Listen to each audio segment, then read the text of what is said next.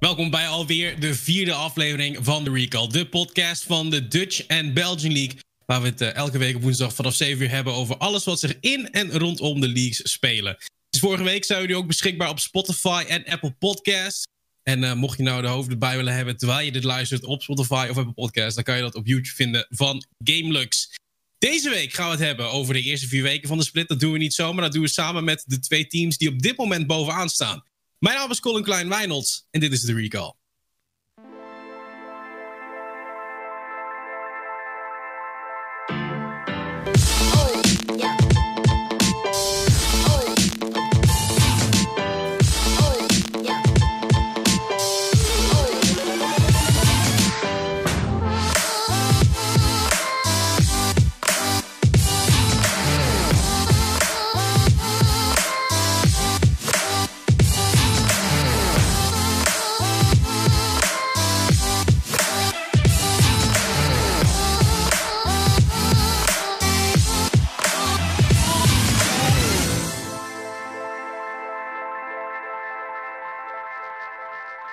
Nogmaals hartelijk welkom bij uh, de vierde aflevering van de Rico weer. En de vierde aflevering betekent ook dat we op de helft van de split zitten. Dat we vandaag hebben over die eerste vier weken. Want ja, een acht weken split, nu na vier weken. Ja, dan kun je eigenlijk al een beetje een idee hebben wat er in de playoffs gaat uh, afspelen. We gaan vandaag uh, samen doen met, dat kon je in de intro ook al beetje zien. samen met Floris Famir Tuin en Thibaut Nissa Nijs. En uh, Maurits die is ook weer bij natuurlijk. Want die heeft ook weer een mooi weekje League of Legends gezien. Ik denk dat vooral in, uh, in de Dutch League aardig spannend is geweest. Want in de Belgian League... Ik, ik ga het over die game van Bristol Gardens en KV Mechelen even, even hebben. Liever, liever niet. Waar ging het heen? Nee. Nee, kunnen we, kunnen we die... Kunnen we die ja, um, voor hen die game niet, uh, game niet gezien hebben... Um, er zijn situaties in League die, zeg maar, waar je nog het over eens kan zijn van... was dit wel of niet een misplay? Als je de game verliest met uh, Baron Buff en Elder Dragon... Um, en er zijn nog in beide sidelanes alle turrets op. En je dat dus nog door midlane. En je, ja, dat, nee, dat mag niet gebeuren. Uh, dat gebeurde wel. Waren uh, iets uh, minder gestunderd. Of ja, je mag het misschien ook wel stunt noemen. Team Thrill staat bovenaan. De coach uh, Floris Famir Tuin. Um, ja, Thrill bovenaan. Voelt lekker, denk ik. Ja, echt tevreden met hoe we hebben gespeeld de laatste tijd. Ja, die game tegen PSV uh, van een paar weken, van twee, twee weken terug is het nu. Jullie hebben, gisteren hebben jullie tegen Ekuzulu gespeeld. Ja. Um, nou, laten we eerlijk zijn, voor het roster was het een iets mindere dreiging uh, dan PSV. Ik wil het toch heel eventjes over hebben. Uh, omdat het toch wel een beetje een, een... Ja, ik denk dat we wel een beetje tegen elkaar hebben gefluisterd van... dat is mogelijk wel de, de finale waar dadelijk om gespeeld geworden om die Masterspot, zeg maar. hoe was voor jou die game tegen PSV eSports? Um, uh, ten eerste had ik zeg maar, uh, verwacht dat ze eigenlijk met iets nieuws zouden komen. Iets uh, gewoon omdat in de vorige matches waar wij tegen PSV hebben gespeeld, hebben we eigenlijk, zijn we eigenlijk altijd verrast. Mm -hmm. En in dit geval speelden ze echt heel erg standaard.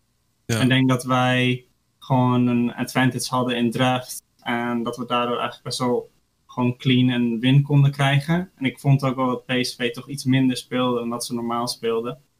Dus uh, ja, het verliep erg soepel eigenlijk. Ja, Thibaut, uh, voor jou. Ik denk dat heel veel mensen eigenlijk geen idee hebben uh, wie je bent, omdat je vooral heel veel dingen in de achtergrond bij Sector normaliter. Ja, um, ik deed sinds twee jaar geleden ben ik um, assistant coach geweest van toenmalig Bjorn. Mm -hmm. En nu is Shorty erbij gekomen. En ik doe nog steeds hetzelfde als ervoor. En uh, ja, nu ben ik en Shorty de coachingstijl van Sector 1. Ja. ja, Sector 1 staat wel... Ik bedoel, ik denk dat het wel een beetje mooi is. Sector 1 staat wel ergens een beetje onder druk of zo, heb ik het idee. Het feit dat... Um, ja, heel eerlijk, Sector 1 staat gewoon echt mijlenver tussen alle andere teams. Zeg maar, het niveau wat Sector 1 speelt... Ik denk niet dat je echt direct een dreiging voelt van de andere Belgian League teams. Um, ik vraag me jaar af, zeg maar, voor jou, voor jou als, als coachingstaf en, en iemand die echt intern aan het team zit, alles van dichtbij ziet het feit dat er zo weinig competitiegevoel is bij die mannen, zorgt dat ook een beetje voor dat ze ja, toch een beetje slekken de laatste periode? Uh, het ding is, omdat Sector 1 zo ver of gewoon goed boven de rest van de competitie staat, betekent dat ook dat de rest niet echt iets te verliezen heeft. Dus hmm. als, die, als zij iets meer off-meta gaan spelen of zo, of ze gaan meer risico's nemen. Dat gaat ervoor Ja. voor zorgen dat ze... Ja, ze zijn er fijn mee. Ze, ze kunnen ook niet echt veel meer verliezen dan gewoon... Ja, ze kunnen eigenlijk alleen maar winnen, want... Ja, wij staan ver boven. Dus zij kunnen gewoon nieuwe dingen proberen zonder dat ze... Ja, kaarten opengooien, om zo maar te zeggen. Hmm. Eh, Floris, eh, ik bedoel, je hebt ook redelijk wat teams, je hebt ook redelijk wat teams gecoacht. Eh, het fenomeen wat je nu ziet bij Sector 1, zeg maar, is het, het, is het een normaal fenomeen? Eh, ik denk het wel. Ik denk dat Sector One gewoon een hele andere instelling heeft dan de andere organisaties. Veel hoger Hmm. inzetten ook. En de, ja, de doelstellingen zijn ook hoger. En ik denk ook, eh, ja, als je bijvoorbeeld kijkt naar de line-up. Je hebt ook eh, te maken met imports bijvoorbeeld. Ik denk dat dan, eh, ja, dan heb je ook meteen een Europese doelstelling. En eh, ja, dat zie je dan ook wel terug in de resultaten. Ja, want hoe wa- was voor jou zeg maar, die eerste vier weken, Thibaut? Eh, ik denk dat de meest, nou ja, eh buttclencher toch wel eh, tegen KVM was. Ja, Ehm, ik denk dat het wel een beetje een wake-up call zou moeten zijn geweest, of niet? Ja, dat was het ook wel. Vooral voor mij dan. Ik had vooral KV Mechelen onderschat, aangezien ik hun roster bekeek en dan ja, vergeleek met Eitra, Eitra bijvoorbeeld. Hm. Die hadden op papier gewoon een veel beter roster, maar die speelden het gewoon ja, minder soepel uit. Die zijn nog niet samen gejald. Terwijl KV Mechelen gewoon ja, heel solid speelt, zonder dat wij daar eigenlijk ja, veel bij hadden nagedacht en zo gewoon hun onderschat. Hmm. Maar Maurits, denk je dat dit KV Mechelen nog heel veel beter gaat worden door de split heen? Ja, denk ik wel. En ik vind KVM vind ik ook wel een mooie. Het feit dat het een eh, volledige eh, Benelux line-up is. Want als je kijkt naar alle spelers, eh, zie je ook spelers die vorige split het wel oké gedaan hebben. Of hier en daar in de Benelux eh oké performance gehad hebben. Maar spelers als eigenlijk iedereen op dat team. Rechter is natuurlijk nieuw, maar Robba, Sumi, Float. We hebben al de afgelopen paar, ja, ik moet zeggen, afgelopen jaar eigenlijk gezien dat het allemaal getalenteerde spelers zijn. Maar het is mooi om te zien dat het voor de eerste keer nu echt een team is. Want als je kijkt naar de fundamentals, ja, ik zie in RSCA ook nog wel een cheese win pakken tegen Sector Mm. 1. Maar als je kijkt wie de beter league speelt, eh, dan is het absoluut KVM. En dat is wel heel erg gaaf voor een team waar de verwachtingen best wel laag lagen. Ja, gaat Sector nog een pot verliezen? Dat is eigenlijk een beetje de vraag. Daar kan je ook je antwoord op geven via Twitter. Eh, dat kan met hashtag TheRecall. Dan kan je ons laten weten wat jij denkt, wat je vindt van de België, wat je vindt van de Dutch League, eh, wat je vindt van de webcamkwaliteit van eh, Floris. Dat kan je ook laten weten via die hashtag. Ehm, ja, Floris, even naar jou toe. Ehm, Team Thrill had gewoon niet zo'n hele beste split in spring.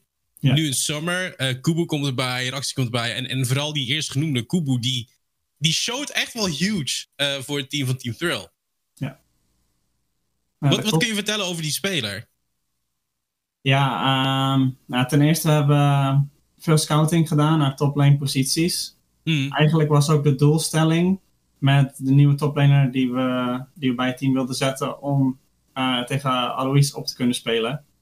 En ja, die was weggegaan. Alleen we hebben wel alsnog diezelfde soort doelstelling behouden. Ja. En ja, we, hebben, ja, we zien nu dat dat wel op zich wel eh, goed uitloopt. Eh ja, Kuburi eh, heeft eh, bij E-Monkeys gespeeld. En Hmm. eh, daar heeft het wel redelijk gedaan. En De- de- die, er- ervaring, dat is echt iets waar we, waar we naar op zoek waren, vooral vanuit toplane. Hmm. En dat zie je ook gewoon in de games terug. Als je bijvoorbeeld kijkt bij eh, Dragon Control. We hebben best wel snel Dragons kunnen securen in onze eerste matches. En Kubu is er eigenlijk altijd bij. Uh, of dat nou met een teleport is, of dat hij al in principe op midlane staat voordat de Ja. Dragon spant. uh, om te roamen en dat, dat soort dingen. En die communicatie, die ervaring, ja, dat, uh, dat waarderen we erg. Ja. Kijk je naar jouw tweets soms. Ik bedoel, ik heb best wel het gevoel dat je vrij confident bent in dit roster. Ja. Ehm, nu zijn er toch wel wat geluiden hier en daar waar mensen zeggen van ja, is de Team Trail echt het nummer 1 team in de Dutch League? Want in de eerste speelweek speelde natuurlijk tegen Low Lines met niet een volledig roster. Uh, nu staat dat aankomende week wel op het programma. Is het terecht dat Team Trail bovenaan staat? Ik denk het wel. Ook uh, vanwege dat wij laatst van PSV hebben gewonnen en PSV heeft weer van Lowland Lions gewonnen. Mhm. Mm -hmm. Dus ik verwacht dat wij alsnog een win pakken tegen Lowland Lions. Maar ik moet wel eerlijk zeggen, wij spelen best wel agressief. En je ziet ook heel vaak dat we dan een dive doen. En dan zitten ze van, oh, wacht, we zijn nu met z'n drieën dood gegaan. Dit was niet nodig. Uh, waarom doen we dit? En ik denk dat een team zoals Lowland Lions of echt kan afschaffen. Alleen, ben jij overtuigd ja. dan dat je de tweede keer dat je het PSV tegenover je krijgt weer gaat winnen? Ik denk dat het heel erg van afhangt van uh, of, ze, of ze betere practice gaan krijgen deze weken. En of ze hun stijl van spelen gaan aanpassen. Want hoe ze momenteel spelen, denk ik niet dat ze goed genoeg zijn. Mm. Maar dat is meer zeg maar in een, in een zeg maar, brede setting. Want in een best of one kan je natuurlijk altijd eh, gewoon ja, een ander resultaat krijgen. Thibaut, krijg jij veel mee van de Dutch League? Ehm, ik denk, om eerlijk gezegd, oh, om eerlijk te zijn, Mm. dat ik eh, Dutch League meer kijk dan Belgian League. Gewoon omdat Oké. het is gewoon, like, het is gewoon leukere League of Legends om te kijken.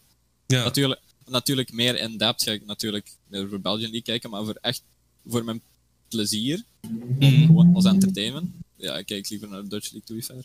Ja, want er is een tweet met de vraag: Thibaut, wat denk jij dat de winstkansen zijn voor Sector 1 als ze in de Dutch League mee zouden spelen?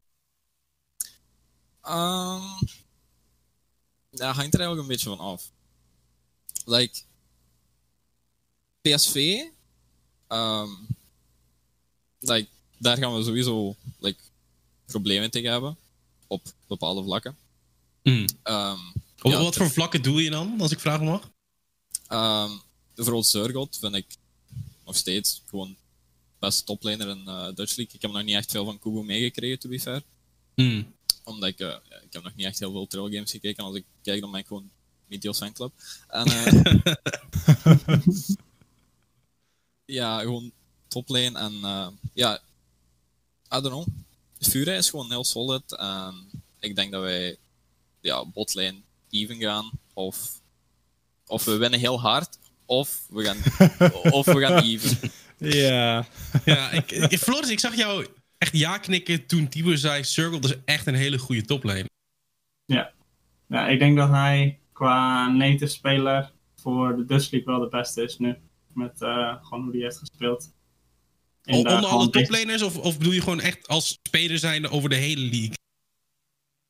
Uh, gewoon van top, ja. Gewoon in, in, in zijn rol. Ik denk zowel van Belgium en uh, Dutch League dat hij qua native speler de beste is. Dus dan plaats je hem ook boven Kubo op dit moment. Ah, ah Kubo is een import. Dat telt niet. Oké, okay. okay, dus van alle Benelux toplaners is Circle de beste. Dat is wat je dus zegt. Maar ja. toch zou Kubo stiekem toch wel dat, dat plekje boven, boven de pakken. Um, ja.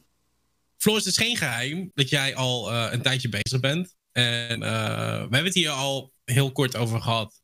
Ja. En je bent iemand met een rijke geschiedenis. Maar ik wil het vooral hebben over jouw uh, coachinggeschiedenis. Um, want laten we eerlijk zijn. Ik, ik, volg jou al een tijdje. Je zit ook al een tijdje in die scene. In het begin van jouw coaching career. Nou, daar komt denk ik ook de hashtag Fami van. Niet zoveel mensen geloofden echt in jou, had ik het idee. Ja, ja ik ben zelf... Uh, eigenlijk vanaf het moment dat ik ben... Uh, echt met commitment ben gaan coachen... ben ik het echt gaan doen omdat ik... Uh, het super leuk vond om te doen. En ik dacht dat er wel een mogelijkheid was om een carrière van te maken. Mm. Maar op het begin was het toch best lastig. Op een gegeven moment heb ik gewoon die commitment gegeven om het fulltime te doen. Toen ben ik verschillende teams tegelijk gaan coachen. En, was dat een ja. goed of slecht iets uiteindelijk? het is zeg maar... Ik probeerde gewoon op, op verschillende paarden te wedden, wedden zeg maar. En mm. um, één team, zeg maar één amateurteam destijds was niet genoeg om ook voor rond van te komen. Dus dan een klein salaris bij verschillende teams te krijgen. Daardoor kon ik dan zeg maar net van rondkomen. En um, op een gegeven moment, toen was het met Blackline gelukt. Dat was een van de teams waar ik toen bij zat. Om van tweede divisie naar eerste divisie te gaan. En toen ook uh, door te gaan naar EU Masters. En tijdens die split had toen Big de line-up overgenomen. En ja. dat was eigenlijk echt uh, het, het, ja, dat schakelmoment waarbij ik van een soort van startende coach naar een echt serieuzere positie ging binnen een organisatie, waarbij ik een beter salaris kreeg, meer tijd aan één organisatie kon committen. Dus toen stopten de andere projecten. En uh, ja, dat is hoe mijn carrière echt is begonnen. Maar wat dacht je toen, zeg maar? Al die mensen die nooit in jou geloofd hebben, want ik heb wel een idee, zeg maar, zover ik het ken, dat dat wel een patroon is wat een beetje uh, soms terugkomt in jouw leven. Dat mensen niet zo heel veel vertrouwen hebben in jou kunnen of zo. Ik weet niet of ik dat meer, daar je mee goed zeg. Ik bedoel, als ik het fout zeg, mag je dat ook, uh, ook tegen me zeggen. Um, ja. Nou, het, ik denk ook dat het zeg maar is dat ik... Uh, bijvoorbeeld toen ik begon met coachen, toen wist ik ook... Tenminste, vanaf een spelers point of view wist ik wel wat. En vooral vanaf, vanaf support. Maar ik was ook geen goede coach. En mm. nu denk ik nog steeds niet dat ik een hele goede coach ben, maar ik ben over de jaren heb ik wel wat geleerd. Dus ik ben wel beter geworden.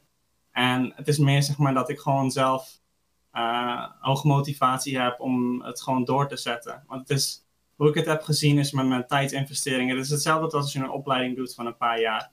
Je kan niet zomaar verwachten dat jij als coach binnenkomt bij een organisatie, alles te zeggen krijgt, een goed salaris krijgt, en dan ben, terwijl je nog helemaal geen ervaring hebt. dat is gewoon niet hoe het werkt. Ja, ja maar, maar, toch heb ik het idee dat jij vooral voor iets gewerkt hebt waar je zelf gewoon heel erg hard in geloofde. Ja. En ik denk dat het wel heel lekker moet zijn, zeg maar, dat je dan, uh, ik bedoel, met een beetje geluk mogen we wel stellen, denk ik, dat die line-up door Big wordt overgenomen, dat je dan bij een organisatie als, als, uh, als BIG komt. Dat is een hele harde boost, maar dat is wel iets waar je zelf keihard voor hebt gewerkt uiteindelijk. Ja, ja precies.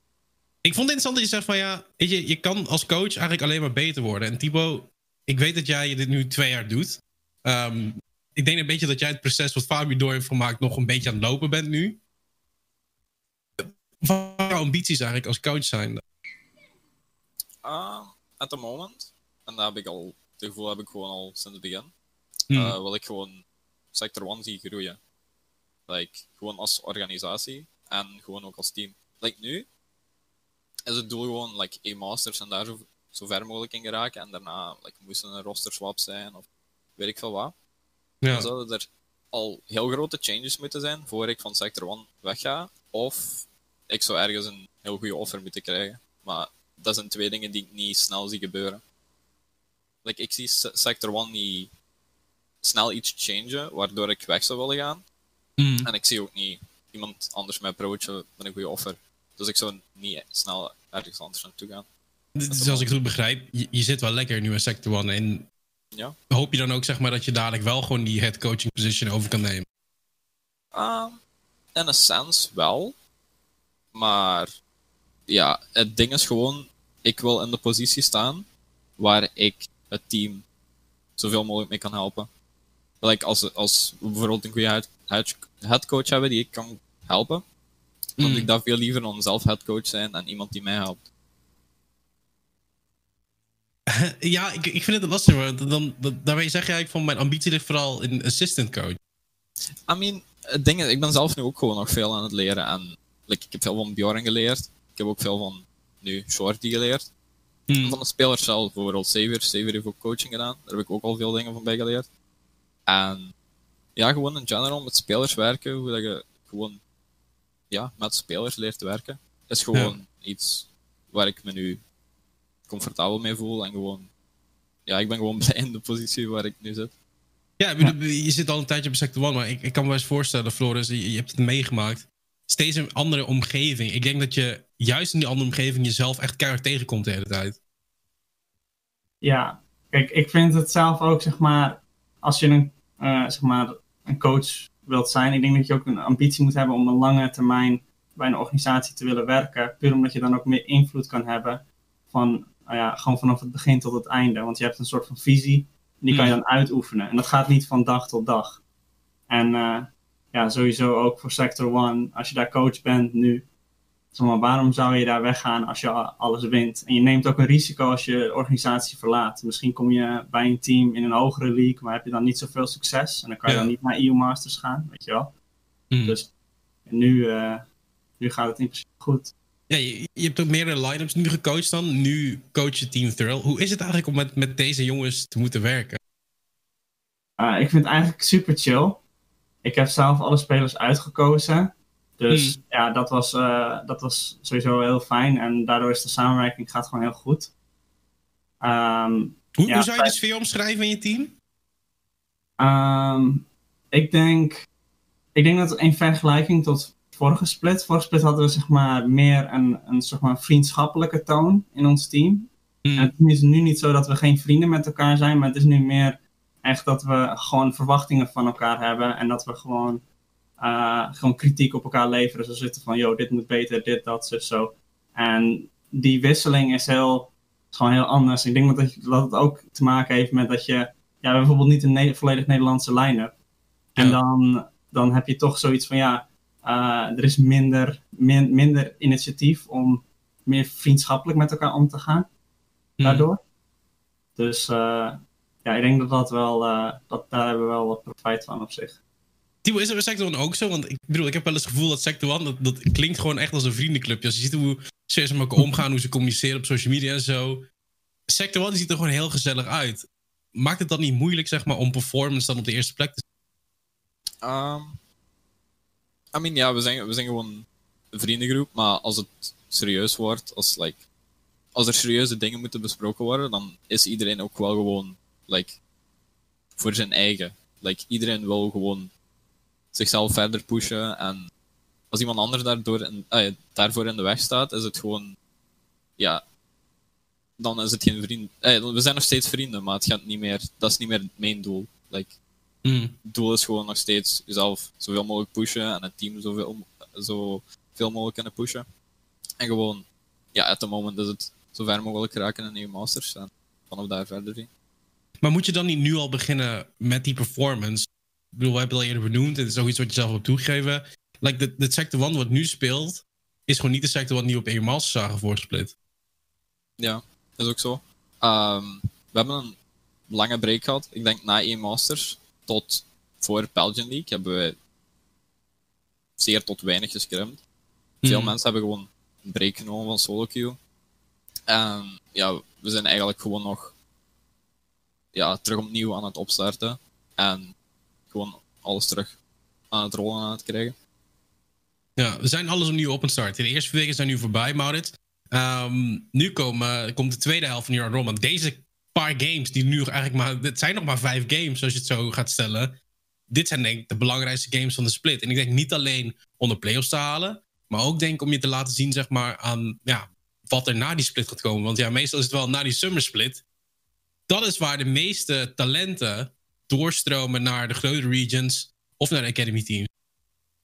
Ja, ik denk dat Sector 1 gewoon een beetje in een ongemakkelijke situatie zit. En dat ze niet echt tegenstand krijgen. En je speelt, ieder, ieder team speelt ook slechter als je tegen slechte teams speelt. Dat is heel moeilijk. Dat is de reden waarom Anderlecht games blijft winnen.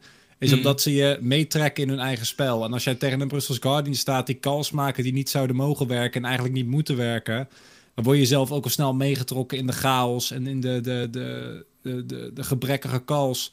Dus ik verwacht dat Sector 1 deze tweede helft van de split ook niet opeens games gaat verliezen. Maar Ja. ik denk dat ze zelf ook eerder gefrustreerd zijn met tenminste zo'n beetje tot mij overkomt met het gebrek aan tegenstand wat ze krijgen. En ik denk dat als je kijkt naar de line-up die we bij Sector 1 nu zien, dat er ook een aantal spelers zijn, zoals de indruk die ik bij Phoenix en Knight krijg, is ook niet dat zij per se ambitie hebben om wel goed om het goed te doen in EU Masters, maar niet per se de drive hebben om ehm, op internationaal niveau League of Legends te gaan spelen. Terwijl dat voor een speler als Practice of Dibu kan ik me voorstellen weer heel anders is. Wat denk ik ook een interessante dynamiek binnen dat team creëert. Ja, eh, ja Floris, we hadden het er ook al heel even over gehad. Ja, EU Masters, het is al een paar keer gevallen nu. Het is denk ik wel het doel altijd voor een team in een IRL om die spot te, te bemachtigen. Team Thrill heeft nu vier weken, we hebben ze vier weken zien spelen. Hoeveel beter denk je nog dat deze, dit roster kan gaan worden? Voordat we daadwerkelijk dadelijk naar EU Masters toe gaan werken. Ehm, nou ja, naar mijn mening is het zo, met hoe we gespeeld hebben, dat we nog eigenlijk best wel eh, ja, zeg maar onder het niveau gespeeld hebben van wat we normaal spelen. In ieder geval in oefenwedstrijden.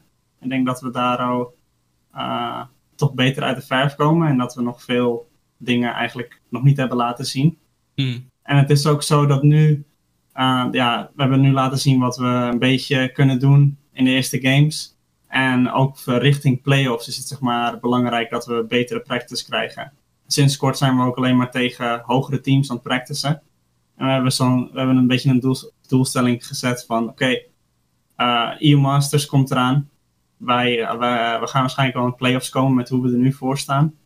En Ja. als we dan playoffs kunnen winnen, dan wil je natuurlijk wel ook presteren in EU Masters. Dus we proberen nu eh, team- tegen teams te practicen die daar waarschijnlijk ook naartoe gaan. Of in ieder geval in league zitten, waarbij de kwaliteit gewoon hoger is. En dat is dan wel zwaarder qua practice, want je verliest gewoon heel veel matches dan.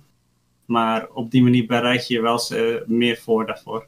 Ik pikte op, zoals het er nu eruit ziet, gaan we EU Masters wel halen. De- toch? De- dat is wat je net zei. Tenminste, ja, dat is de doelstelling. Kijk, Ja, ja, ja, maar je zegt van, Ja. zoals het er nu voor staat, gaan we dat gewoon halen. Eh, ik, ik denk sowieso dat we playoffs halen. En ja, om, om die zekerheid te geven voor EU Masters, dat is, is lastig om te zeggen. Maar met hoe het er nu voor staat, denk ik het wel, ja. Ik ben me ook situaties aan het bedenken waar je als Frill nu geen playoffs meer haalt. Dan moet je wel echt je best doen.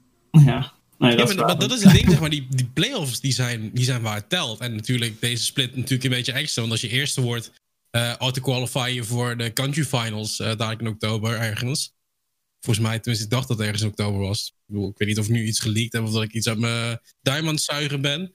Ehm, ergens in najaar, Laat, laten we daarop houden. Daar hebben we eigenlijk die country finals. Eh, als je de summer split wint, ga je eruit was toe.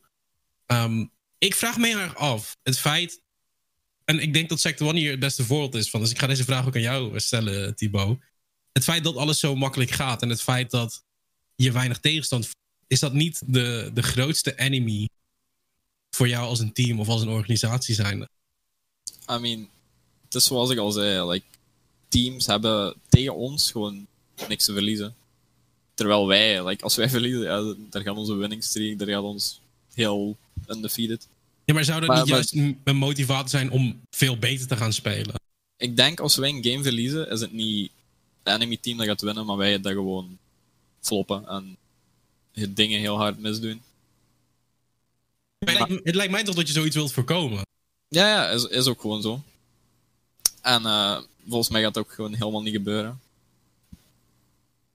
Dat jullie verliezen of dat jullie Ja, dat- dat- dat- we verliezen. even. Nee, ja, dat we gaan verliezen. We gaan verliezen. We gaan, dat- ja, zoals ik zei, like, Hmm. als wij heel hard floppen, dan. eh, like, de enige manier waarop we verliezen is als we hard floppen. En ik denk niet dat dat gaat gebeuren. Toch niet deze split. En die in Nee. Masters. Ja, ja, daar hebben we tenminste like, goede weerstand. In Ja. Belgian League is het gewoon. Ja. Not it, zal ik Hmm. zeggen. Ja, kijk, het feit dat ik dit zeg maar heel vaak opbreng van zeg wat heeft weinig tegen die Belgian League, dat hebben we allemaal gezien, dat hebben we nu ook een paar keer benoemd, is het feit dat jullie toplaner laatst een interview gehad met DH Esports, dacht ik, uit mijn hoofd. Eh, waarin hij het had over het zou zoveel beter zijn als we in plaats van de Dutch en de Belgian League gewoon een Benelux League hadden. Want het niveau zou zoveel hoger zijn. Ik zou zoveel meer tegenstand hebben. En ik zou mezelf ook echt ultimate, ultimately kunnen testen. Eh, ik ga hiermee beginnen bij Maurits, zeg maar, van Benelux League zou zoveel beter zijn dan de Dutch en de Belgian League. Ehm, ik denk op het, op het moment. Ik kan het op heel veel manieren bekijken. Hè? Dat is een beetje het moeite met dat soort statements. Ik denk dat voor Phoenix en voor Sector One als organisatie het absoluut beter zou zijn. Ik weet Mhm. alleen niet of het beter is voor je gehele ecosysteem. De situatie waarin we nu zitten. Is dat je eh, één league hebt waarbij je drie teams hebt die momenteel echt lijken te contenden. Namelijk Loaded Lions, Vril en PSV. En ik denk dat de volgorde waarin ze nu staan redelijk.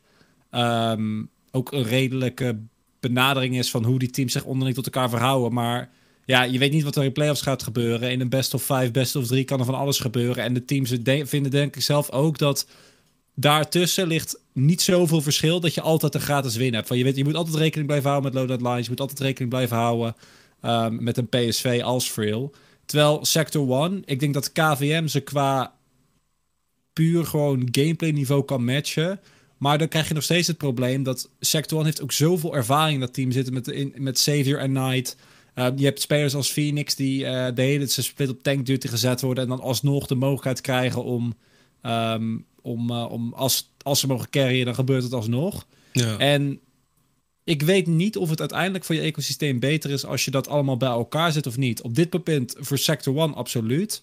Maar je moet ook kijken naar de ontwikkeling van de Belgische scene versus de Nederlandse scene. Want dat is wel iets wat misschien qua spelers, maar qua fanscharen je absoluut wel ziet. Belgische fans die zich meer identificeren met uh, de Belgian League. Nederlandse fans die een sterkere band hebben met de Nederlandse League. Mm. Uh, ook vanuit uh, sponsoren zie je dat er in de Belgian League um, een paar hele mooie samenwerkingen zijn. Ja, dat zijn allemaal dingen van als je een Benelux League hebt, krijg je dat dan ook.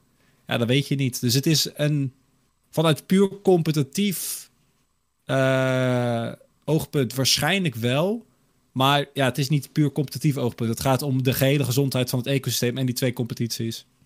Team, hebben jullie het idee dat, dat Sector One, ik bedoel, we mogen stellen dat er langzaam wel echt een beetje een fan creation aan de gang is. Ik denk dat bij Team Troll ook wel zien dat we echt supporters beginnen op te komen. Um, heb je het idee dat bij Sector One vooral Belgische supporters zijn? dat is iets waar ik niet echt op let, want eh, ik ben iemand die Twitch zet en dergelijke. memes? Nee, I mean, ik meme wel, maar eh, ja, ik zal het zo zeggen, je kunt wel zien wanneer ehm GameLux bijvoorbeeld, like, eh, zeg het frontpage heeft op Twitch, dus heel veel nieuwe mensen die komen, en dan weet je gewoon, oké, Twitch chat is niet leesbaar. Daar, Hmm. Er zijn gewoon ja, dan ignore ik het gewoon. Dus like, veel fans bijvoorbeeld. Ja, ik merk daar gewoon niet veel van, omdat ik meestal Ja. op Twitch chat, ja, buiten hier en daar een meme of een copypasta, lees ik het bijna nooit. Ja, maar wat- Maurits zei, zeg maar wel, voor, voor de competitie zou het heel veel beter zijn, maar eigenlijk is dat ook het enige. Ben je, ben je het daarmee eens? Ik bedoel, ja, voor jou is het misschien, het is een beetje een gekke vraag natuurlijk, want jij gaat natuurlijk altijd voor competitie. Ja. Maar kan je zeg maar ook de andere kant zien? I mean, definitely. Maar ja. Ja, ik weet niet. Het is een moeilijke vraag om te antwoorden, maar op het competitive aspect, ja, sowieso. Like, als er een Benelux League zou zijn, de competitie zou zoveel hoger zijn. Hangt er ook wel van af van hoe ze het zouden doen natuurlijk, maar dat is een verhaal voor hoe ze het actually Hmm. gebeuren ooit. Maar ja, competitie zou sowieso wel hoger zijn. Ja, want dit is eigenlijk wel een beetje een, een probleem wat we vaker eh, hebben gezien. We zagen het ook een, een, als we vergelijken eh ESL Dutch met, met ESL Proximus toen het er nog was. Daar zat ook best wel groot verschil in Flores. Ja.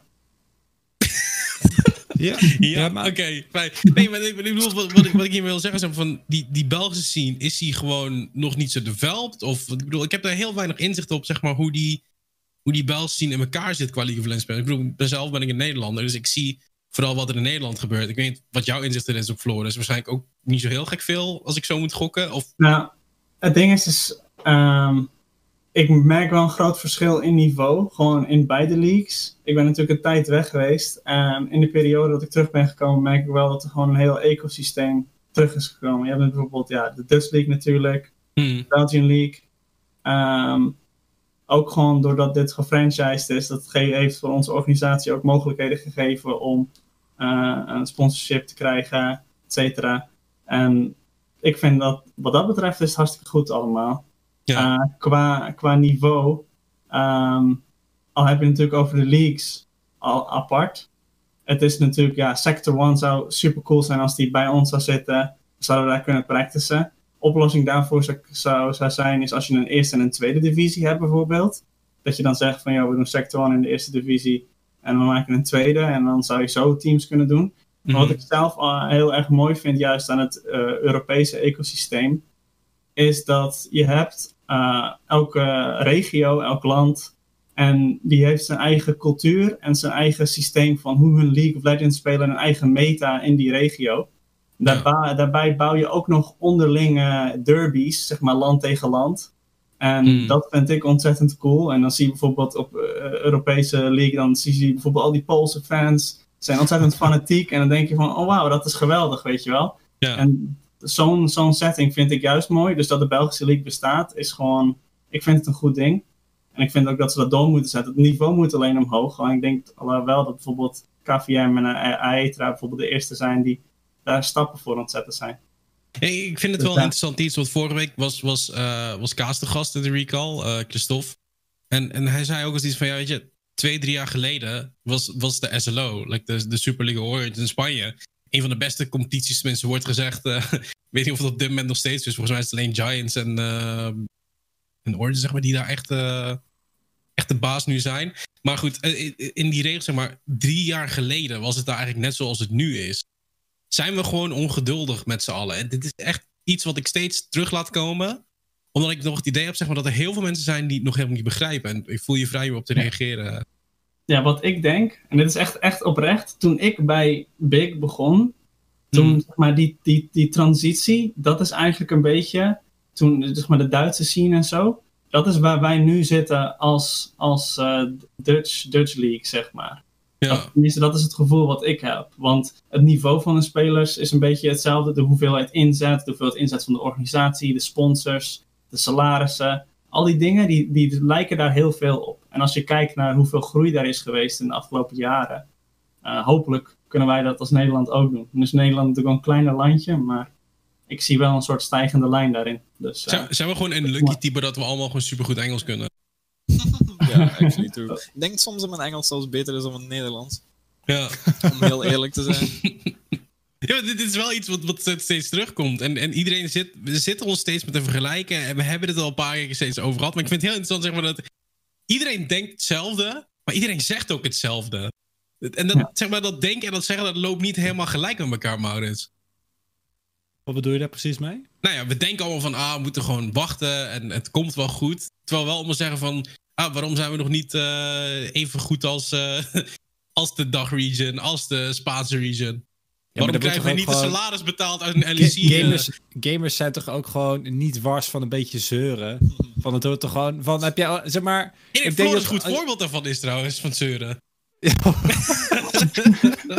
Ja, nou, ik, ik, nou ja, nu je het toch zegt. Ik, heb, ik, ik, ik, ik moet zeggen dat ik inderdaad me wel een beetje persoonlijk aangevallen voelde toen mijn eh, geweldig opgebouwde filmnarratief compleet genegeerd werd.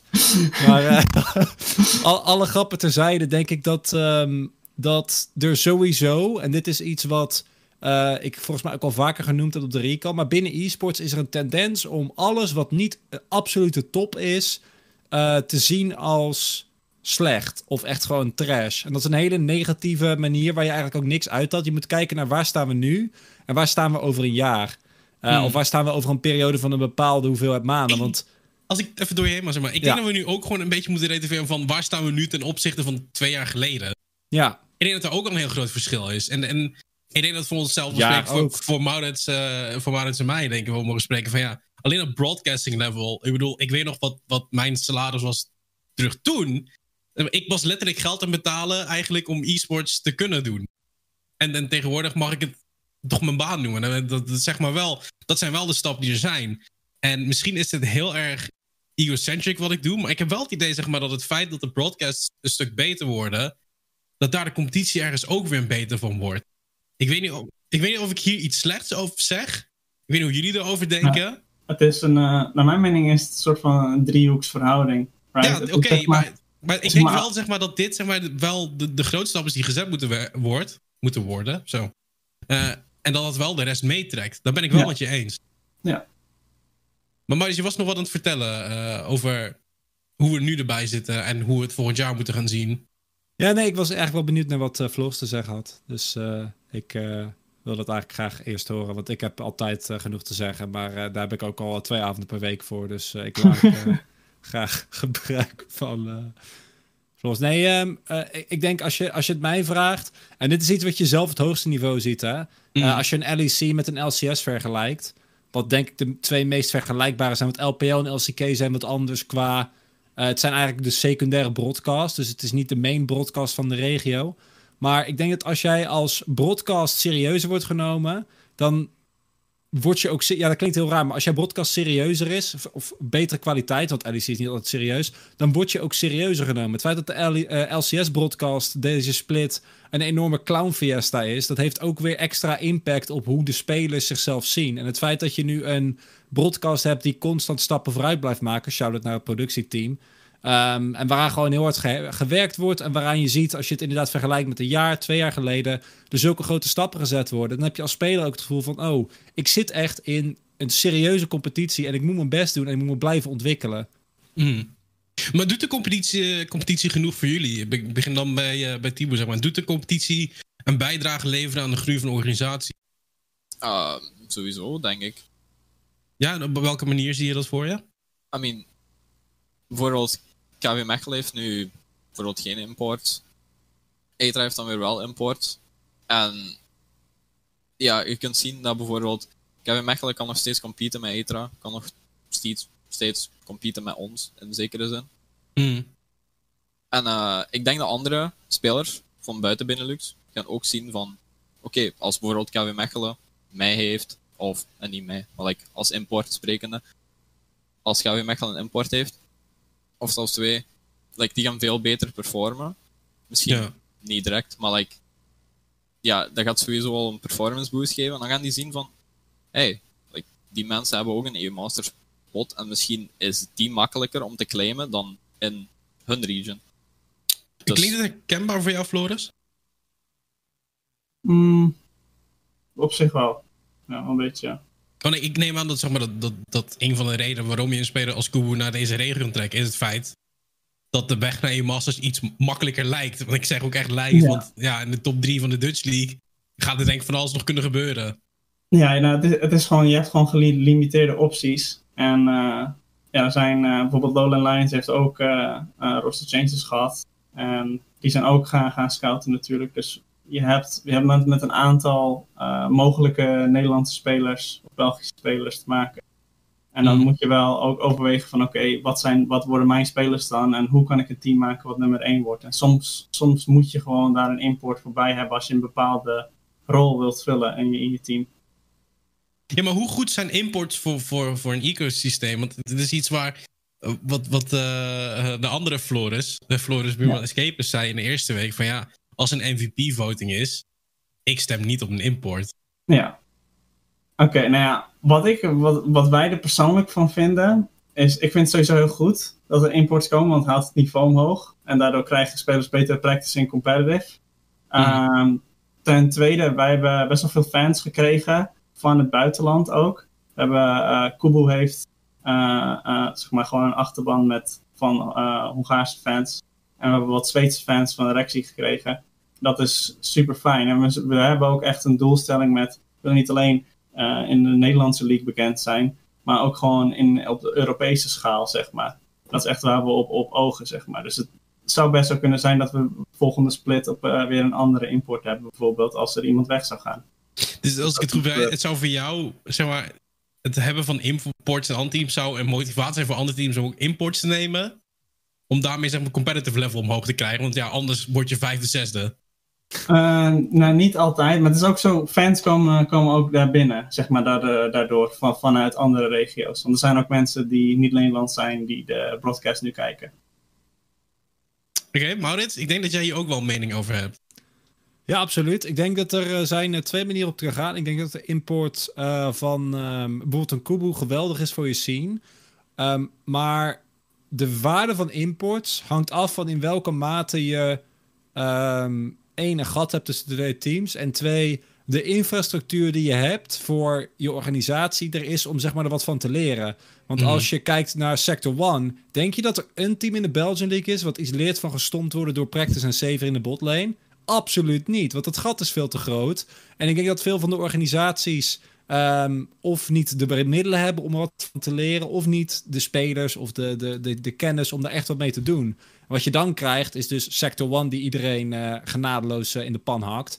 Terwijl bij de Dutch League zie je dat die imports wel goed werken. Eh, Ja. In de zin dat het niveau tussen de beste Nederlandse slash Benelux spelers goed opweegt te boksen. En dat er de gaten die er zitten zijn te overbruggen, waardoor er ook echt wat van leert. Dus als ik het goed samenvat, Thibaut, kunnen jullie iets minder goed spelen? Yes, please. Uit. Nee, maar Als je dat even doorgeeft. het, ding is bijvoorbeeld, like, niet zou het enemy botlane steken om savior en practice te messagen. Het zijn heel vriendelijke mensen. Like, die gaan u tips geven. Like, als je letterlijk vraagt van, kom even een custom game, kom even een call. Die gaan u letterlijk tips geven. Die die gaan u beter helpen spelen. Maar je moet het gewoon durven. Je moet het gewoon vragen. Doe het echt. Dat is mijn tip naar alle andere Belgian League teams at the moment. Like, ga, als, als er iets is waarvan dat je denkt, oké, Saver is daar faker of Practice doet daar iets waarvan ik Hmm. geen idee had dat het als goed was. Message gewoon, vraag gewoon. Like, Ja, ik, ik hoor dit vaker terugkomen. Zeg maar, teams communiceren niet echt onder elkaar of zo. En ik snap dat ergens wel van een competitive oogpunt. Of van een community oogpunt heb ik mijn vragen, vraagtekens wel zo. Ik, ik, ik heb laatst bijvoorbeeld zat ik in een Adam game met, en dit is een hele grote flex, met Boomer en Flood. Eh Oh. Zat ik een Adam game te spelen. Ehm, ik heb het idee dat het eigenlijk niet zo heel veel gebeurt.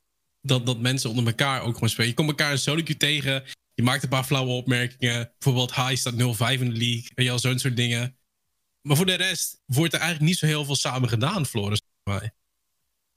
Ja, het is ook zo dat. eh, ja, er zijn zeg maar onderling. Qua management is er wel communicatie tussen de organisaties. Maar eh, ja, je practice ook niet tegen andere Benelux teams over het algemeen. Eh, ook omdat je dan toch zoiets hebt van ja. Zelfs, zelfs al zou je niet leaken, je hebt altijd van die teams die dan subtiele hints aan elkaar geven en dat soort dingen. Dus dat wil je sowieso niet hebben. En ja. en dan komt het op practice neer, zeg maar. Ja, je speelt toch tegen elkaar. En ik denk dat mensen... Het is moeilijk om een, een collega die in een ander team te zit, niet als een vijand te zien. Hmm. Want eh, dat is in principe in de in-game is het natuurlijk altijd zo. En eh, buiten het spel kan je natuurlijk gewoon vrienden zijn. Maar omdat je tegen elkaar werkt, als het ware, en toch competitiegericht is, ga je niet zo. Tenminste, ik heb het. Ik, ik, ja, ik heb dat in ieder geval. Oh, je gaat niet dat je doet van, eh, hey, hoe moet je draften? Ja, maar, ja, ja. ja, maar dat is dus... Dat is echt de ziekste flex die je je voor kan stellen. Dat je als practice naar een andere toe gaat. Gewoon hem in zijn DM slide van... Ja, luister, ik wil meer, ik wil meer tegenstand. Dus dit is hoe je botlane speelt. ja, precies. Kun je minder slechte trades pakken, alsjeblieft? Ehm, ja, ja, dat is niks. Ja, we, we hebben nu een stukje over import wel een beetje afgesloten. Ehm, we hebben ook een beetje gehad zeg maar, over, over teams die met elkaar moeten communiceren. Ehm, ik denk dat eh, een kleine plug uh, Reddit ook een goede plek is. Om uh. Benelux Law heeft er sinds kort ook één. Dus moet je een keertje, een keertje checken. Ehm, ik denk dat we langzaam al, en, en, we hebben het ook een paar keer laten vallen, één Masters. Er wordt al stiekem een klein beetje over gedroomd. Nu zie ik Sector One, nou, misschien een alternate universe, niet naar één Masters gaan nu denk ik dat als er een game gedropt wordt, dat dat eigenlijk een soort Sector 1 gaat zijn die. Ja, alsof je een beer met een stok gaat porren. Ik denk dat het zoiets gaat zijn. Of een vos, in het geval van Sector 1. Um, maar bij, bij Team Thrill, Floris, je was heel confident. Totdat zeg maar uh, onze productie zei, we zijn live. Toen was ik van, hey, Masters wordt nog een spannend iets. ja.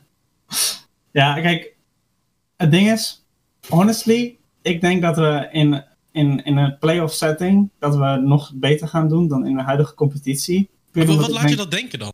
Nou, omdat ik, omdat ik, tenminste mijn persoonlijke ervaring, als ik kijk bijvoorbeeld naar de laatste split in, in playoffs, um, of gewoon in, in, in general, teams die, uh, tenminste als ik daarop voorbereid, voorbereid natuurlijk altijd voor, maar um, sommige, sommige teams die zijn gewoon heel erg one-dimensional. Dan weet je gewoon van, oké, dit is wat er ongeveer gaat gebeuren in de draft. Dit is ongeveer hoe ze gaan spelen.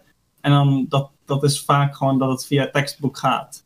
Mm. En vooral in best of threes kan je dan drie verschillende dingen laten zien. Want je speelt drie verschillende matches. En ik denk dat wij als team in zo'n situatie een groot voordeel kunnen halen. Dus ja, dat, ik ben daar gewoon op voorbereid. En ik ja, ik vind het ook leuk, zeg maar, om uh, zo best of threes te hebben. Ik ben ook eigenlijk geen fan van best of one formats, puur omdat je ook kan cheesen uh, als, uh, als enemy team zijnde, zeg maar. Maar mag je het opmaken, zeg maar, dat het feit dat je nu eerst staat in de league eigenlijk voor jou niet zo heel veel boeit? Ja, nou, ik bedoel, het zijn de playoffs, playoffs gaat het uiteindelijk uitmaken. Mm. Je, je speelt nu alleen voor de seeding, right? Dus als je alles wint, uh, kijk, zelfs, dat is nog, nog wel iets anders. Van, als je een game loost, dat, dat, was die vraag ook nog. Dat zou voor ons team eigenlijk ook nog goed zijn. Puur omdat we dan een beetje op ons ego getrapt worden. Want ik zou ook wel, uh, zeg maar, dat soms, als het gewoon na de matches, dan zeg ik ook van ja, dit was eigenlijk niet clean genoeg. Of dit was niet goed genoeg. Maar de spelers zijn dan wel tevreden, weet je wel. Dus hmm. je moet die balans proberen te vinden daarin. Denk je dat jullie ook nog veel werk te doen is, Thibaut, zeg maar, om het, het, uh, het clean sector one terug te krijgen van de voorsplit? Um, ik denk dat nu gewoon like, de plooier uitstrijken is, om het zo maar te zeggen. En gewoon iets minder limit testen. Gewoon meer, ja, gewoon cleaner spelen, to be honest. En, hmm. Maar dat is ook gewoon een ding. Like in solo queue, of gewoon een scrim spelen tegen higher level opponents, maken minder mistakes. Bijvoorbeeld, die maken bijvoorbeeld zijn maar iets random getal, vier mistakes in lane. Die punish je. Drie van de vier. Ja, als je opponent in Belgian League 12 mistakes maakt, 13 mistakes, ja, dan moet je er meer punishen. En als dan één keer, gewoon, als je gewoon één keer niet oplet en jungler staat daar, of je maakt één misplay, dan ja. Ik weet niet of de verbinding, of het, het gebeurt nu allemaal online. Ik denk dat die verbindingen een beetje weg zullen vallen, maar Um, wat ik een beetje opmaak, ook van, van het Tibo en ook vanuit jou, Floris. En dit, dit, is ook meer voor Maurits. Deze laatste vier weken, die gaan spannend worden. Ja. Ja. Like, deze laatste vier weken, die gaan echt heel belangrijk zijn. Dus ik ben heel benieuwd naar de aankomende weken. eh, ook voor jou, Maurits. Durf je al een beetje een prognose te doen eh, wat in de Belgian League en wat er in de Dutch League gaat gebeuren? Ik vind het fijn dat je me vraagt naar de Belgian League. Ja, Eh, ik denk dat KVM tweede gaat eindigen. Ik denk dat... Maar gaat KVM Etra- Sector 1 kunnen verslaan? Nee, dat denk ik niet. Ik denk dat Sector 1 gewoon een comfortabele, perfecte winrecord vasthoudt. En het, het kan dat ze een game verliezen, maar dat ligt dan volledig aan hen. Mhm. Ehm, verwacht dat KVM, eh hoop dat die zich blijven ontwikkelen. Ehm, want ik denk wel dat het eh, een hele leuk team is om naar te kijken. En ook een team wat echt potentie heeft. De spelers individueel vind ik heel sterk. Ik denk dat ze goed samenspelen. Dus ik hoop gewoon dat dat team goed blijft ontwikkelen. Ik hoop ook dat ze volgende week eh, hun matches cleaner uitspelen dan de eerste keer dat ze tegen Anderlecht speelden. Anderlecht gaat playoffs halen. Dat doen ze altijd. Je weet niet hoe, maar de, sto- stoppen ze met AP Kokbal draften en dan, dan, dan, dan komen ze er wel. Eh, en Etra is ook te goed om het niet te halen. Nu in Dutch League denk ik dat je met zekerheid kan zeggen dat het eh frail PSV Loaded Lions wordt. Met eh, hoe het er nu uitziet, of een Echo Zulu, ehm, of, ehm, of een Dynasty. Ik denk dat MCon lijkt op dit punt in de competitie het niet, niet te gaan redden. Nee. Ehm, maar wie er waar gaat eindigen, nee. En dat wil ik eigenlijk ook helemaal niet weten. Want ik wil eigenlijk gewoon naar playoffs toe. Want ik wil deze teams zien in een best of drie, best of vijf format. Want ik denk dat je dan pas echt een goed beeld krijgt ehm, van wie waar staat. En dat is iets waar ik als caster natuurlijk heel erg gelukkig van word. Want ik denk dat het veel minder dan voorgesplit is. Toen was het, nou, wie wint er? PSV of, of de Fuse Kids. Heb je nu echt daadwerkelijke contenders. Ehm, en dat maakt het veel spannender in de aanloop naar playoffs. Ik, ben, ik, ik, ik ga me laten verrassen. Laten we daar hier zijn. Eh, Floris, ga jij nog iets spannends eh, laten gebeuren in deze komende vier weken? Ehm, ik, eh, we gaan eigenlijk, tenminste mijn doelstelling is om meer voor te bereiden voor playoffs. Ook al willen we wel natuurlijk volgende week heel graag winnen tegen Lowland Lions. Ja, want Dat dat, is wel, dat is natuurlijk eh, het eerste. Ik bedoel, ben ik, ik was het al Ja. bijna vergeten, maar dat, dat is het eerste obstakel waar je tegen te komen. Ja. Lowland Lions in een eigenlijke vorm. Ja, ja, dat zou nog wel even eng kunnen zijn. Want als wij dan weer nu verliezen, dan heb je dan ook echt weer ja, te maken met een driehoeksverhouding van de competitie. Hmm. Dus dan is het, eh, dan, is, dan, dan, dan zijn alle scenario's mogelijk. Dus ja, dat is wel een game die we graag willen winnen, zodat we eigenlijk kunnen laten zien van oké, we zijn echt, echt nummer één. En eh, ja, maar daarnaast is het meer eh, voor ons eh, voorbereiden voor playoffs. Ik denk dat dat onze, onze main, pri- prioriteit, main prioriteit is. Ja, het, klinkt, het klinkt allemaal heel goed. Ik, ik denk dat het alleen maar meer reden is voor mensen om elke week te komen kijken op maandag eh, vanaf eh, half kwart voor zeven zoiets dan met de Belgian League. En dinsdag eh, rond een uur of kwart voor zeven met de Dutch League. Waar ook dus Team Thrill in zit. En een ja, Nissa hopelijk ook dan zijn verbinding als die werkt. We gaan erachter komen wie de MVP is van de afgelopen speelweek in de Belgian League. Waar we gaan kijken wie de Burger King King of the Week is.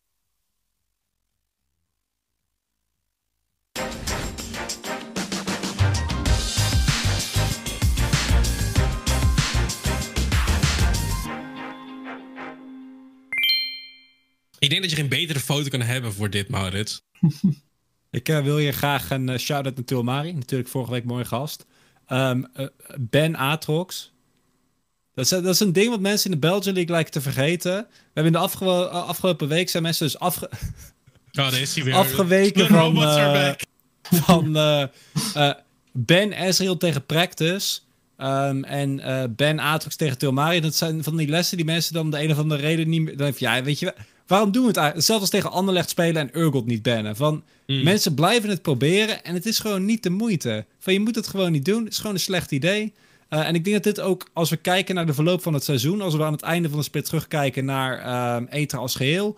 dat dit de week is waarin ETRA eindelijk begint te spelen zoals we van ze zien. Nu eh, hadden ze een eh, tweede game die ze ehm, natuurlijk ja, niet, niet gewonnen hebben vorige week. Dat was een jammere, maar eh het team begint wel langzamerhand weer op gang te komen. En dat is wel een hele mooie om te zien. Eh, Floris, jij bent iemand die graag zijn mening geeft. Deze speler, eh Tuamari. Wat is je mening daar? Je zit wel te lachen nu, maar ja. mening over Tuamari. Eh, ik vind het gewoon een grappige opmerking ten eerste. Maar eh, ja, sowieso Tumari. Ehm, Ja.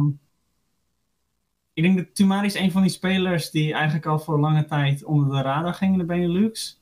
En Mhm. hij is op een gegeven moment naar Duitsland gegaan. Daar heeft hij het best wel goed gedaan. Toen is hij teruggekomen bij Echo Zulu.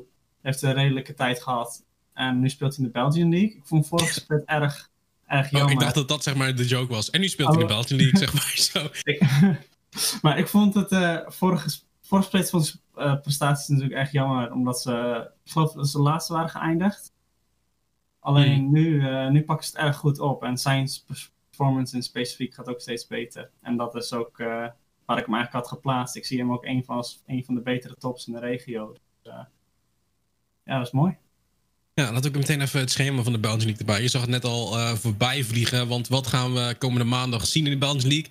Uh, Anderlecht tegenover 7am, Sector tegenover Ethra. Of Etra, ik weet nooit hoe ik het moet uitspreken. Excuus ervoor. Kan iemand mij van, van ATR eens een keertje echt vertellen hoe ik het nou moet uitspreken? Want ik wil dit gewoon een keer goed doen. Uh, Anderlecht uh, en KVM, die gaat het tegen jou opnemen.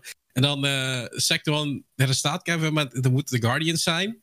Um, kan... Kunnen de Guardians Sector 1 misschien al een beetje nee. shaky maken? Nee?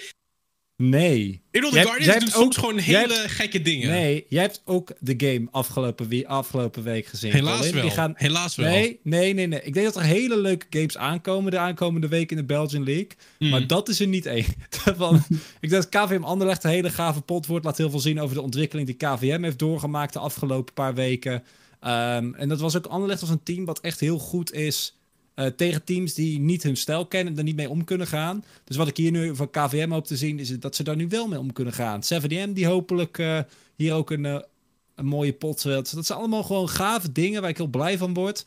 Ehm, maar ik verwacht niet dat de Brussel Guardians hier ineens tegen Sector 1 gaan winnen. En ik denk dat als Sector 1 het overkomt, dat ook zij daar niet heel tevreden mee zullen zijn. Laat de mensen dromen. Laat de mensen dromen. Laten we ook even kijken naar die featured matchup. Eh, dat is uh, Anderlecht tegenover KVM. Uh, Maurits zei het al een beetje. Ja, hoe is KVM gegroeid de afgelopen vier weken? Dat is de grote vraag. Maar ik denk dat dit ook een hele grote vraag gaat beantwoorden. Is, ja, wie gaat een beetje die tweede, derde spot pakken in de Belgian League? Laat me niet hangen, Maurits. Ja, ja maar ik, ik heb daar een momentje voor nodig. Van. Ja. Ik zeg KVM. Zoals ik dus al eerder zei. Ik denk dat KVM ehm, voor mij het team is wat het meeste potentie laat zien. Het daadwerkelijk fundamenteel het sterkste team. Hmm. Zelfs als Anderlecht deze game wint, denk ik dat KVM een beter team is. Dat, dat, dat- het is een raar statement. Maar het is gewoon Anderlecht. Ze spelen al twee jaar dezelfde. Het is gewoon de Burger King. Van je gaat erheen, je weet wat je haalt. Je haalt een lekkere burger, je eet hem op. Dat is het. Je moet er niet meer van verwachten. Die gaan ook niet meer doen. Iedere split, want we spreken die gasten natuurlijk, want het is al twee jaar hetzelfde team. Spreken ze iedere split weer. Iedere split gaan ze weer scrimmen. Gaat er weer wat nieuws komen. Gaan ze wel serieus spelen. En het gebeurt gewoon nooit. En dat is prachtig. Moet je omarmen. Maar KVM is een team met ehm, veel opkomend talent. Waarvan ik hoop dat ze hier eh, eh, de komende weken die eh, ontwikkeling door blijven maken. Eh, hoop ook voor hen een win te zien hier. Krijg jij iets mee van die Belgian League, Floris? Ja, ik was echt eh, geïnteresseerd naar de, naar de roster swaps, deze split. Ook omdat eh Vlad natuurlijk van eh Trail naar KVM ging. Hmm. En ja, KVM ziet er gewoon goed uit. En een Vlad doet het ook wel goed, moet ik zeggen. Ja, ja, ja, zeker. Ja, en de, de, de line-up ziet er gewoon goed uit. Ik denk dat ze, dat ze veel progressie kunnen maken en echt ja, gewoon veel, heel veel kunnen improven. En ik denk dat als, iemand, als er een team is wat kan winnen van Sector 1, dan zal het uiteindelijk KVM wel zijn. Nou, Floris heeft gezegd. Als KVM wint, eh, dat is uh, Floris de nieuwe Messias. Eh, we gaan kijken wie eh, de MVP is geworden in de Dutch League. Ja, dat is uh. We hebben hem een paar keer uh, voorbij gekomen. Hij had een onvertuinlijke... Ik moet het toch even benoemen hoor. Hij had een onvertuinlijke TP in de, de toplane. Dat was heel pijnlijk om te zien. Maar happens, zeggen we dan, Maurits. Ja, dat was ook uh, eigenlijk het enige wat daar, wat daar niet lekker ging. Uh, is een speler die we al eerder genoemd hebben. Um, en zijn consistentie en ook zijn, ja, zijn kennis, de manier waarop zijn ervaring, de manier waarop hij zich over de map beweegt, de manier waarop hij in die teamfights consistent die backline access vindt.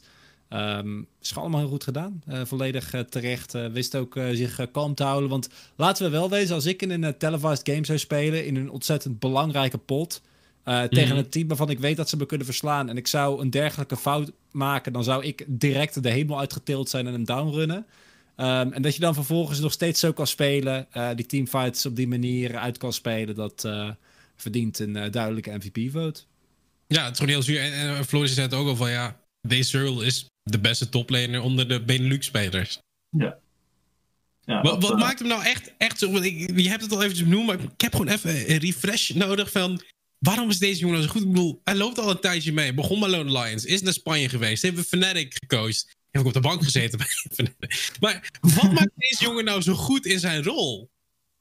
Ehm, nou, wat ik, tenminste wat ik eh, heb gehoord zeg maar, van, van mensen persoonlijk die met hem hebben gewerkt, dat hij gewoon echt dedicated is en ook gewoon een sterke mening heeft. Dus ik denk dat hij dat gewoon uitdraagt op zijn team. Want het is denk ik ook gewoon de jaren ervaring eh, die gewoon bij de toprol erg belangrijk is. Want ja, je bent toch geïsoleerd en je wordt van je verwacht dat je eigenlijk eh, bijna alles zelf doet zonder al te veel hulp. Soms komt je jungler je wave helpen of een gank doen, maar toplane is voornamelijk 1v1.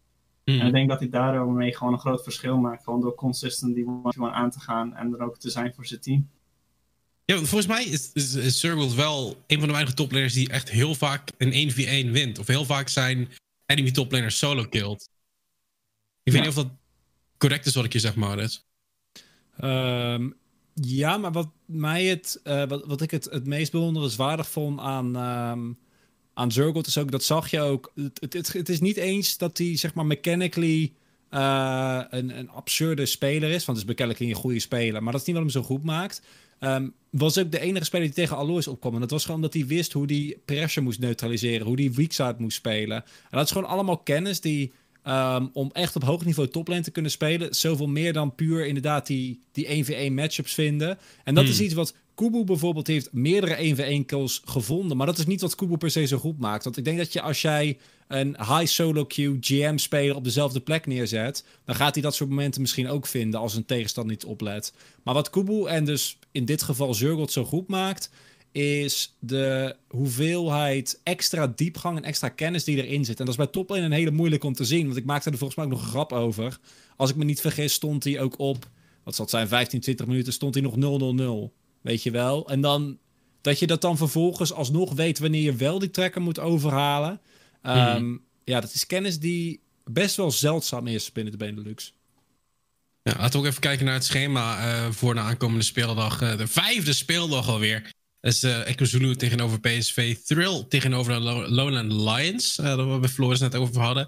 Echo Zulu tegenover Dynasty. En dan eh, Thrill wel weer tegenover Mcon. Ehm, ja, Mcon die heeft gisteren die match gehad tegen Dynasty. Die verloren zij. Ehm, dat is een grote bummer. Want playoffs mag je... Ik, wil niet meteen zeggen van dat het voorbij is. Maar je moet nog een keer tegen Thrill, nog een keer tegen Lone Lions en nog een keer tegen PSV. En dat maakt het op zich wel een best wel lastige klus, als we heel eerlijk moeten zijn.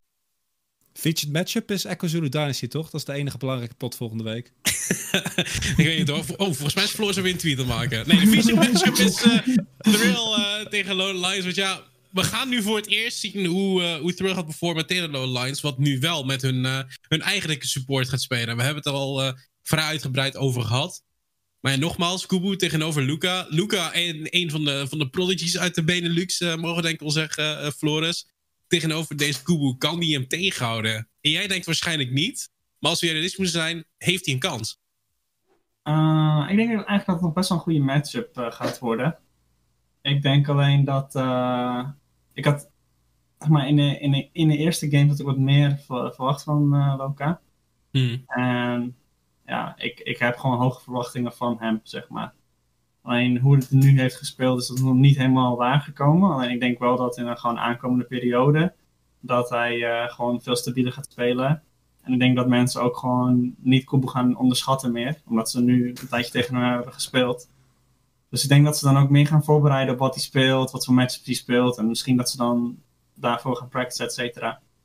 Dus uh, ja, in principe kan er van alles gebeuren. Maar ik denk wel dat uh, Kubo over het algemeen nog steeds een sterkere toplaner is. Dus ik denk dat het ook erg afhangt van hoe Hades rond toplane gaat spelen. Ja. Ja, Maurits, ik ga je een beetje op de spot zetten. Je hebt afgelopen week had je uh, Lone Lions uh, gepredict over PSV. Ga je dat nu weer doen tegenover Team Thrill? Nee, nee, nee. Ik zet wel veel, uh, veel boven Lone Lions. Um, omdat ik denk de vorm die ik van de twee teams momenteel gezet heb, of gezien heb, uh, geeft mij niet echt een reden om uh, Lowland Lions uh, erboven te zetten. Maar wat het uiteindelijk gaat betekenen voor de standings, wat het uiteindelijk gaat betekenen voor de playoffs. Ik denk nog steeds niet dat het gat tussen deze twee teams heel erg groot is. Ik denk dat Lowland Lions, ehm, als ik kijk naar de game die ze afgelopen keer gespeeld hebben, miste er in de midgame net wat, wat, wat aan, aan tempo. Want ze hadden wel grote leads op weten te bouwen. En uh, heb ik zelf al meermaals uh, gezegd hoe bedroefd ik was dat er niet een uh, Melfight ingelokt werd. Want het is de Benelux en uh, Melfight is een prachtige champion. Zeker tegen een, een Wukong. Um, maar ik kijk heel erg uit naar deze matchup. Want dit is denk ik de, de, de spannendste match die we gaan hebben. En het is een matchup die ook hopelijk een preview gaat bieden voor de uiteindelijke playoffs. Heel eerlijk, ik, ik weet Floris zit hierbij. Maar mag, ik, ik hoop eigenlijk dat Lone Lions wel vindt. Om puur vanwege het feit dat de competitie zoveel leuker gaat worden om te kijken. Vet, hè? Heel eerlijk, Als, dat is de echt competitie heel gaaf. wordt zoveel vetter om te kijken dan. En Floris, ik weet dat jij het liever niet hebt, maar zou je niet stiekem ook wel vet vinden als Lone Lions zou winnen, dat we echt, echt een competitie hebben in de Dutch League? Ja, nogmaals, het, het voordeel wat wij eruit zullen halen is dat onze ego's een beetje naar beneden gaan en dat we daardoor waarschijnlijk beter de practice in kunnen gaan. En het scenario, zeg maar, omdat het dan een driehoeksverhouding zou, zou super leuk zijn. Alleen ik, uh, ja, ik wil natuurlijk wel het liefst winnen. We kunnen nog een, uh, een clean uh, split zonder losses halen. Dus dat zou fijn zijn.